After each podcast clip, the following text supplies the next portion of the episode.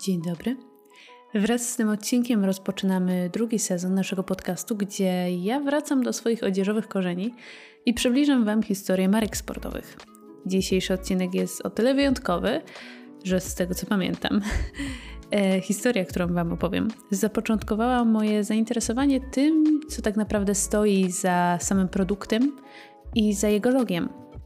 A teraz nie przedłużając, zapraszam Was w podróż pełną rodzinnych niesnasek, mściwości i goryczy, która początek ma pod koniec XIX wieku w Bawarii, a dokładnie w małym miasteczku Herzogenaurach, które przede wszystkim przypomniało mi, że w gimnazjum powinnam była wybrać język niemiecki, ponieważ do wymówienia tej nazwy przygotowywałam się dobre 10 minut. Początkowo miejscowość ta słynęła z wyrobów włókienniczych, natomiast później przyszła rewolucja przemysłowa i zaczęło powstawać coraz to więcej zakładów obuwniczych, a co za tym szło, ludzie, którzy chcieli znaleźć pracę, musieli się przekwalifikować. Jedną z takich osób był Christoph Dassler. Mając dwójkę dzieci i żonę na utrzymaniu, musiał przyjąć życiowe wyzwanie i podjąć pracę w nowym zawodzie – Los zaprowadził go do największego w okolicy zakładu wytwarzającego obuwie, gdzie mężczyzna zaczął zdobywać doświadczenie w nowej profesji. Nowa praca Christofa zapewniała ciągle rosnącej rodzinie Dasterów minimalne środki do życia. W 1898 roku na świat przyszedł drugi syn państwa Dasslerów, Rudolf, nazywany Rudim, a dwa lata później urodził się Adolf, zdrobniale nazywany Adim. To właśnie ta dwójka najmłodszych Dasslerów zrewolucjonizuje cały sportowy świat. Ale po kolei. O dzieciństwie Dasslerów nie wiemy wiele, nie zachowało się wiele dokumentów. Wiemy natomiast, że Rudolf po skończeniu szkoły chciał iść w ślady ojca, natomiast na drodze stanęła mu I wojna światowa. W 1914 mężczyzna został powołany do wojska i wysłany na belgijski front. W tym czasie młodszy z braci, Adi, zgodził się zaspokoić oczekiwania rodziców i rozpoczął naukę piekarstwa. Tyle, że on nie chciał być piekarzem. On kochał sport, kochał aktywność fizyczną, miał taką potrzebę bycia w ciągłym ruchu. Trenował hokej, lekkoatletykę, piłkę nożną i boks. I nijak miało się do, do pracy piekarza. Tylko, że jak popatrzymy na okres historyczny, w jakim się znajdujemy, to idzie łatwo zrozumieć, że no nie był to najlepszy czas do podążania za marzeniami. W 1918 Adi, który miał już 17 lat, dostał wezwanie do wojska i dołączył do Rudolfa w Belgii. Mimo, że był na froncie no, tylko parę miesięcy, doświadczenie to uświadomiło mu jedno. Wiedział, czego chce. Chciał produkować obuwie sportowe. No i wiedział też, czego nie chce. Wracać do tej cholernej piekarni. I tak w 1919 roku Adolf Dassler zaczął tworzyć obuwie sportowe. I teraz pozwólcie, że zatrzymamy się tutaj na chwilkę, żeby lepiej zrozumieć kontekst ekonomiczno-historyczny. E, więc sprawa ma się tak. Dopiero co skończyła się wojna, ekonomia kraju poleciała na łeb na szyję, gdzie się nie obejrzeć, panuje bieda, brakuje materiałów, dostęp do elektryczności jest ograniczony, a jakiś chłopak z mieściny na końcu świata wymyślił sobie, że będzie robić buty sportowe. A, no i sam fenomen uprawiania sportu dopiero co się kreował. Nie istniało nawet słowo jogging, piłka nożna była nazywana amerykańskim chwastem i w ogóle idea wyspecjalizowania się w tej dziedzinie wydawała się równie ekscentryczna, jak i głupia. Ale Adi, jak większość biznesowych szaleńców, miał wizję. Zdawał sobie sprawę z tego, że dobre obuwie może przeważyć szale zwycięstwa. W swoich projektach brał pod uwagę specyfikację poszczególnych dyscyplin sportowych, brał pod uwagę eksploatację poszczególnych części obuwia, jego wagę, elastyczność podeszwy. Sam też testował wszystkie modele. Prosił również o pomoc swoich przyjaciół, prosił o ich opinie, o taki ogólny feedback i wszystkie te informacje zwrotne wykorzystywał, żeby ulepszać swoje produkty. Pokazywało to pięknie, jak długoplanowo Adi traktował swój biznes i jak wyróżniał się już na tle konkurentów dbałością o swoje obuwie. I musimy ogólnie przyznać, że to był dość zaradny chłopak, bo gdy brakowało materiałów, pozyskiwał skórę potrzebną do wytwarzania obuwia ze starych spadochronów, namiotów, plecaków i innych takich skarbów pozostawionych w okolicznych wioskach przez żołnierzy. Z czasem biznes stał się rodzinnym interesem i każdy z Dasslerów dokładał swoją cegiełkę do sukcesu firmy, w szczególności Rudolf, tylko że on początkowo w ogóle nie chciał się mieszać w głupi, nieodpowiedzialny pomysł brata. Rudolf miał niesamowity charakter, świetne zdolności perswazji i świetnie odnajdywał się w marketingu. I mimo, że w swojej pracy był naprawdę dobry, a negocjacje, kontakty z klientami to w ogóle nie był dla niego najmniejszy problem, to Rudy czuł się ograniczony w takiej pracy na etat. Więc postanowił wrócić do rodzinnego miasteczka i wspierać rodzinny biznes. W 1924 roku bracia Dassler zarejestrowali fabrykę obuwia braci Dassler. Rudolf oczywiście zajmował się częścią sprzedażową, marketingową, Adolf natomiast przejął obowiązki kreatywne i techniczne.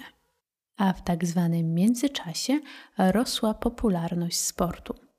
Podczas zawodów sportowych społeczeństwo mogło się jednoczyć, wspierać nawzajem, cieszyć ze zwycięstw. Nie istniał ten taki podział społeczny. Rosła również sława piłki nożnej, a na terenie całych Niemiec, jak grzyby po deszczu, pojawiały się kolejne i kolejne kluby piłkarskie. Okej, okay, więc jak już jesteśmy w temacie piłki nożnej, kto wymyślił te słynne korki? Kto jest dumnym ojcem jednego z najbardziej przełomowych modeli obuwia? Odpowiedź brzmi: nie wiemy. Ale na pewno nie Adi, ani nie Rudolf, ok? Oni w ogóle w przyszłości się jeszcze o to bardzo, bardzo pokłócą. Tak, to prawda, że Adi wytwarzał buty z kolcami, zanim jeszcze piłka nożna stała się tak powszechnie akceptowanym sportem, ale pierwsze modele tego typu obuwia zostały zauważane już w XIX wieku w Anglii. Natomiast Adi niewątpliwie wprowadził korki na wyższy level. Umocnił okolice palców, umocnił okolice kostek dodatkowymi warstwami skóry.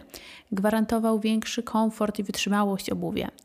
Model piłkarski, zaraz obok modeli do lekkoatletyki, miał stać się w teorii, w założeniu, podstawą biznesu Dasslerów. Mówię w teorii, w założeniu, bo w rzeczywistości to mało kto chciał to kupować, ludzie nie mieli kasy, a co za tym idzie, również Dasslerom daleko było do królów biznesu. No ale wszystko w swoim czasie, potrzeba tylko trochę cierpliwości i taktyki.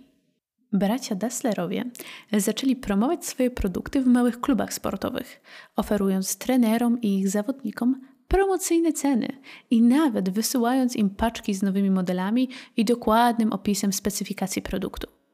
I tak bracia Dasslerowie zrewolucjonizowali rynek sportu po raz pierwszy. Pewnego dnia przed fabryką Dasslerów, przejechawszy 200 kilometrów, zjawił się trener niemieckiej drużyny lekkoatletycznej. Usłyszał on, że tam w tej małej mieścinie produkowane są buty sportowe wyjątkowej jakości i sam zechciał to sprawdzić. Szukał on obuwia, w którym niemiecka reprezentacja mogłaby wystąpić na Igrzyskach Olimpijskich w Amsterdamie, bardzo ważnych igrzyskach dla Niemiec, ponieważ pierwszych od czasu zakończenia I wojny światowej, do których dopuszczono Niemców. Spotkanie przebiegło wyjątkowo dobrze, rozpoczynając kluczową dla firmy współpracę biznesową. W drugiej połowie lat dwudziestych wszystko szło znakomicie. Sytuacja gospodarcza kraju poprawiła się, więc naturalnie wzrósł i konsumpcjonizm.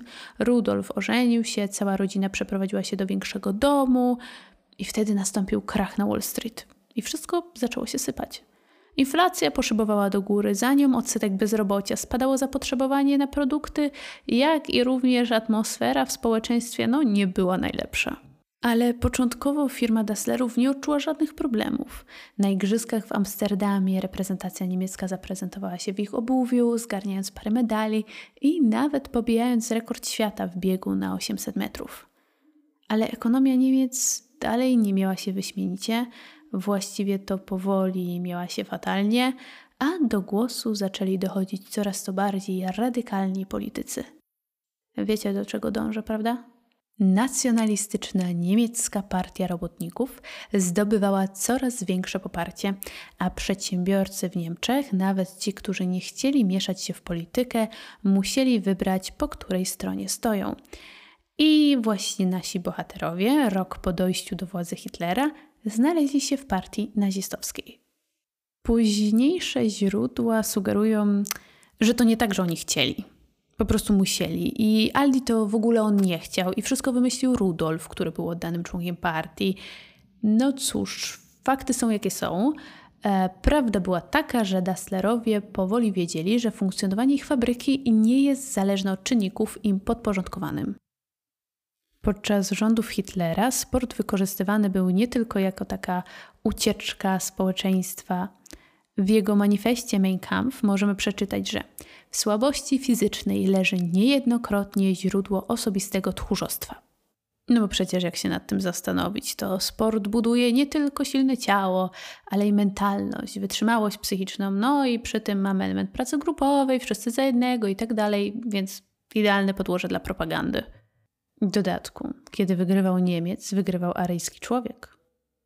I wszystko mogłoby się wydawać idealnie zaplanowane, prawda? No jednak nie, ponieważ zbliżające się Igrzyska Olimpijskie miały odbić się w Berlinie w 1936 roku i powoli stanęły pod znakiem zapytania. Krótko mówiąc, wyobraźcie sobie, że podejście Hitlera nie za bardzo zgadzało się z wartościami olimpijskimi i tym, co wydarzenie miało promować. Dla Dasslerów było to bardzo niewygodne, ponieważ na tym właśnie evencie ich buty miały być sławne niczym zwycięzcy, którzy zdobywali medale. Sytuacja była coraz bardziej napięta. Międzynarodowy Komitet Olimpijski kręcił nosem, a Niemcy dalej twierdzili, że nie, to, to tylko plotki są. Oni to są bardzo otwarci, tolerancyjni. Publika międzynarodowa potrzebowała jasnych decyzji. Avery Brandage, przewodniczący Komitetu Olimpijskiego, zdecydował się sprawdzić, jak się tam sprawy mają w tych Niemczech i pojechał z wizytą kontrolną. Tam przywitał go jeden z mistrzów spektaklów propagandowych. Zapewnił, że naziści w żaden sposób żydowskim uczestnikom życia utrudniać nie planują i takie tam. Te zapewnienia nie zgadzały się troszeczkę z ustawami norymberskimi z 15 września 1935 roku, ale kto by tam wchodził w szczegóły, nie?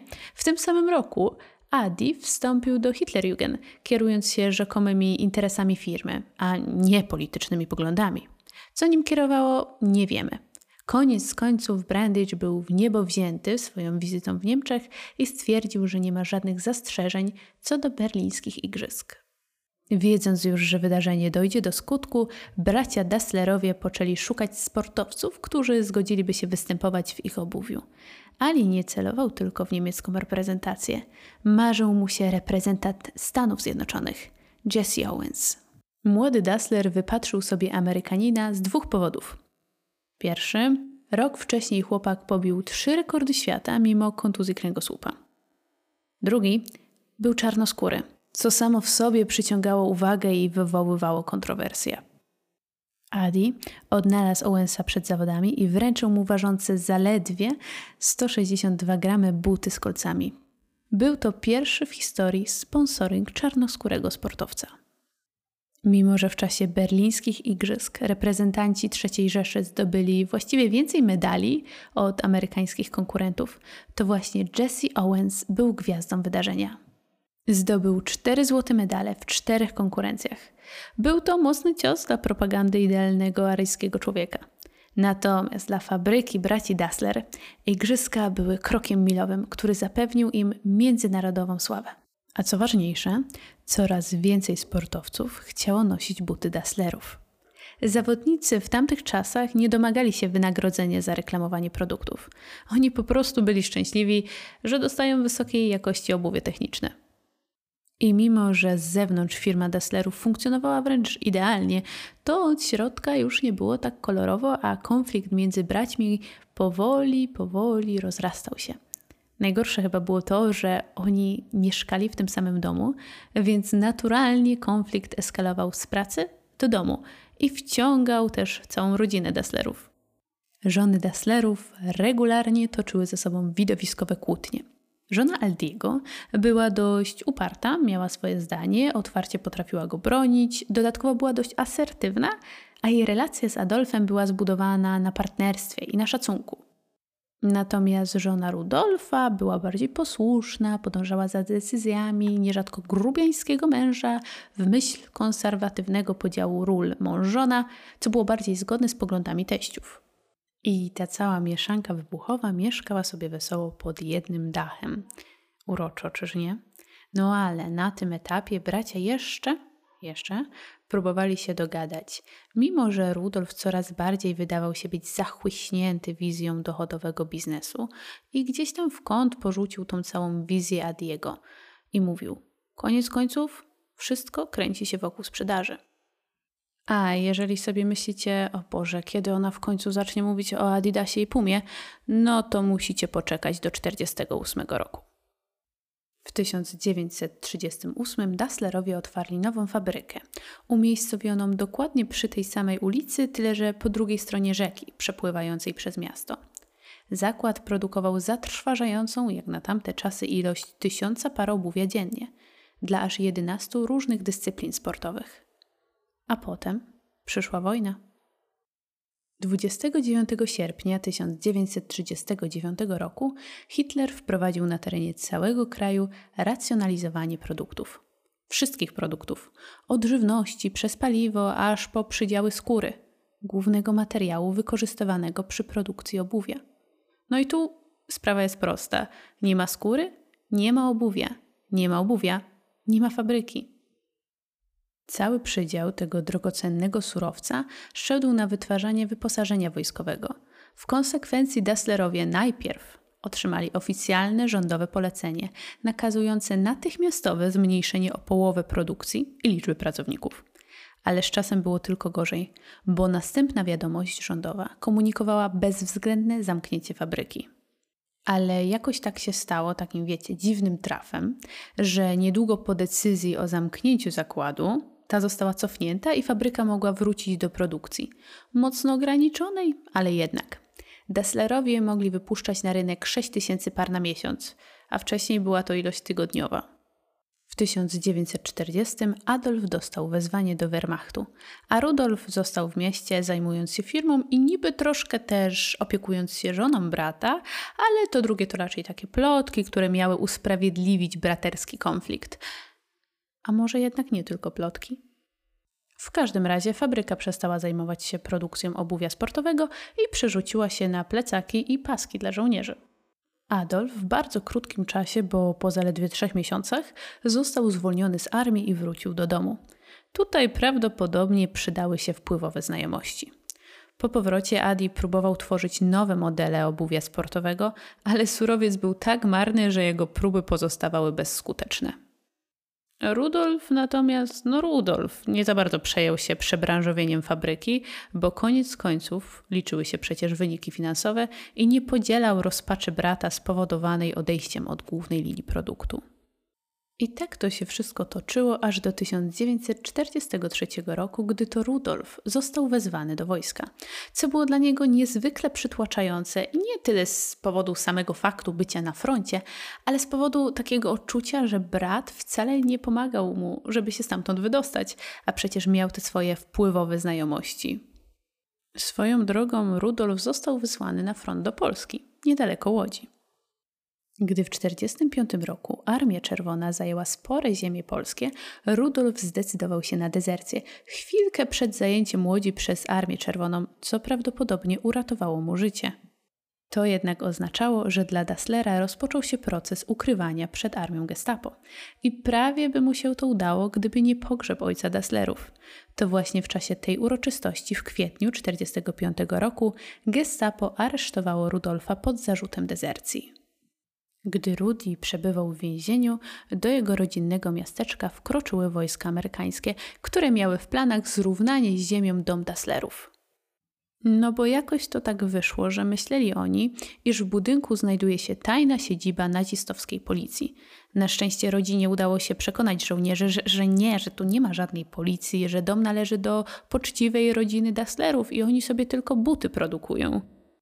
No i budynek nie został zniszczony, ale z racji jego pokaźnych rozmiarów został przeznaczony na kwaterę wojsk okupacyjnych. Rodzina więc zajmowała sobie jedną część domu, a do drugiej wprosili się Amerykanie. A potem rozpoczęła się akcja denazyfikacyjna, co bezpośrednio dotknęło zarówno Rudolfa, jak i Adiego. Ogólnie mówiąc, cały ten proces polegał na dokładnej analizie wszystkich dokumentów w celu określenia stopnia zaangażowania w nazizm. Pierwszemu oberwało się Rudiemu. Członek NSDAP, ochotnik w Wehrmachcie, no nie wyglądało to zbyt dobrze, a dodatkowo jego aresztowanie było poprzedzone donosem, a Rudy już popadł w paranoję, więc pewnie domyślacie się, że za donos obwinił swojego młodszego brata. I jako efekt tego wszystkiego Rudolf został pozbawiony wolności na ponad rok. Na krótko przed jego wypuszczeniem na wolność, wezwanie do komisji denazyfikacyjnej otrzymał Adolf. No i tak jak w przypadku Rudolfa, jego sytuacja nie była zbyt kolorowa. Na skutek całego procesu Adi został zaklasyfikowany do grupy Niemców, którzy dzięki reżimowi zdobyli majątek, co w praktyce oznaczało całkowity zakaz prowadzenia biznesu. No, no to dziękuję za uwagę. Koniec historii. Adidasa nie będzie. No bo jakby popatrzeć na to z perspektywy prawnej, to gdyby wszystko było uczciwie, to pewnie tak powinno się to skończyć. No ale od czego są znajomości? To znaczy znajomości, nieznajomości.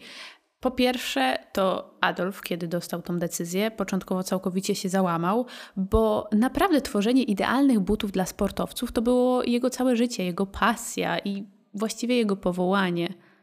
A po drugie, dysponował lepszymi dowodami, żeby oczyścić się z zarzutów.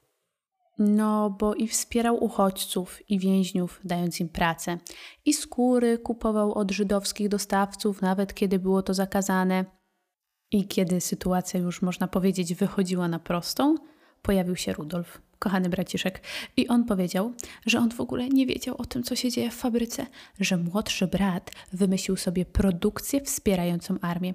I w ogóle to Adolf notorycznie wygłaszał przemówienia takie propolityczne w fabryce. Ach, rodzina. No, ale trochę wysiłków trochę więcej wysiłków i koniec końców Adolf został zaklasyfikowany jako bierny obserwator ruchów nazistowskich, a produkcja obuwia sportowego w końcu mogła zostać wznowiona. Dokładnie tak, jak marzył o tym młodszy Dassler. No, a właściwie prawie tak, jak o tym marzył, bo klasycznie brakowało surowców. Ale, ale, pamiętacie tych Amerykanów, co to się wprosili do domu Dasslerów? No więc, gdy oni dowiedzieli się, że to stąd pochodzą buty, w których sam Jesse Owens zdobył cztery medale, dzięki swoim, a jakże, znajomościom sprowadzili do zakładu wiele surowców. A wtedy do domu wrócił Rudolf. No i rozpętało się piekło, bo bracia nie mogli już dłużej mieszkać razem, no nie mogli siebie znieść. W rodzinie Dasslerów nastąpił rozłam i cały dotychczasowy majątek został podzielony pomiędzy braci. Rudolf wraz z rodziną przeniósł się na drugą stronę rzeki, przejmując tym samym znajdującą się tam nowszą fabrykę, natomiast Adi został w domu i otrzymał większą i tą starszą z fabryk. Co do pracowników, to tutaj dostali oni wolną rękę, dla którego z braci chcieliby pracować.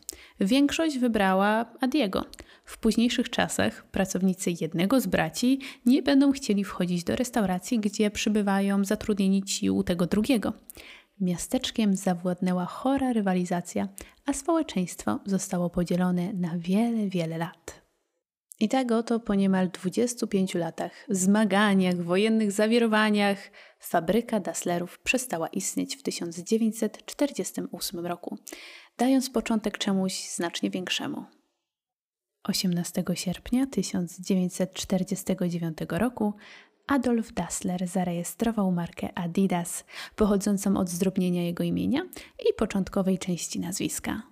Pierwsze logo firmy było kombinacją napisanego małymi literami Adidas z wyciągniętymi w górę dwoma kreskami odchodzącymi od liter D. I między tymi dwoma liniami po środku znajdował się rysunek kultowego buta z kolcami z widocznymi na boku trzema paskami. Tak, tak, tymi trzema paskami. Rok później jednak pozbyto się elementów graficznych, zostawiono sam napis Adidas, samą nazwę firmy i wprowadzono hasło reklamowe. Marka z trzema paskami. A zastanawialiście się właściwie, skąd te trzy paski? No więc ja Wam powiem, że nie znalazłam przekonującej mnie historii. Jedna z nich mówi, że Adi stracił palec wskazujący i wiecie, te trzy palce, które się ostały, stanowiły inspirację dla pasków Adidasa. No ale musicie przyznać, że to się wydaje jakieś takie naciągane. A w ogóle to po kilku latach Adi odkrył, że nie jest jedynym producentem wykorzystującym trzypaski. Na Igrzyskach Olimpijskich w Helsinkach wypatrzył, że jeden z fińskich producentów również oznacza swoje obuwie trzema paskami. Więc Adi zaprosił przedstawicieli firmy na targi sportowe we Frankfurcie i tam za zatrważającą cenę 1600 euro i dwie butelki whisky odkupił prawa do trzech pasków. No dobra, a Rudy? A Rudy też nie próżnował. Założył swoją firmę właściwie parę miesięcy wcześniej niż młodszy brat, nazywając ją Ruda. No, że wiecie, Rudolf Dassler. Ale potem się jednak rozmyślił i zmienił nazwę na Puma. Według tego, co wspominał starszy Dassler, rzekomo tak nazywano go w dzieciństwie. Logiem firmy oczywiście została grafika zwierzęcia. Obie firmy Dasslerów miały mocny start i bardzo zaangażowanych właścicieli, kierowanych nie tylko chęcią sukcesu, ale również niezdrowymi ambicjami i chęcią zemsty. Chora konkurencja między braćmi przez wiele lat towarzyszyła ich firmom, a nienawiść między nimi została przekazana z pokolenia na pokolenie, ale o tym dowiecie się w drugiej części podcastu odkrywającego historię Adidasa i Pumy. A na razie ja Wam bardzo dziękuję za wysłuchanie tej części podcastu i do usłyszenia za tydzień.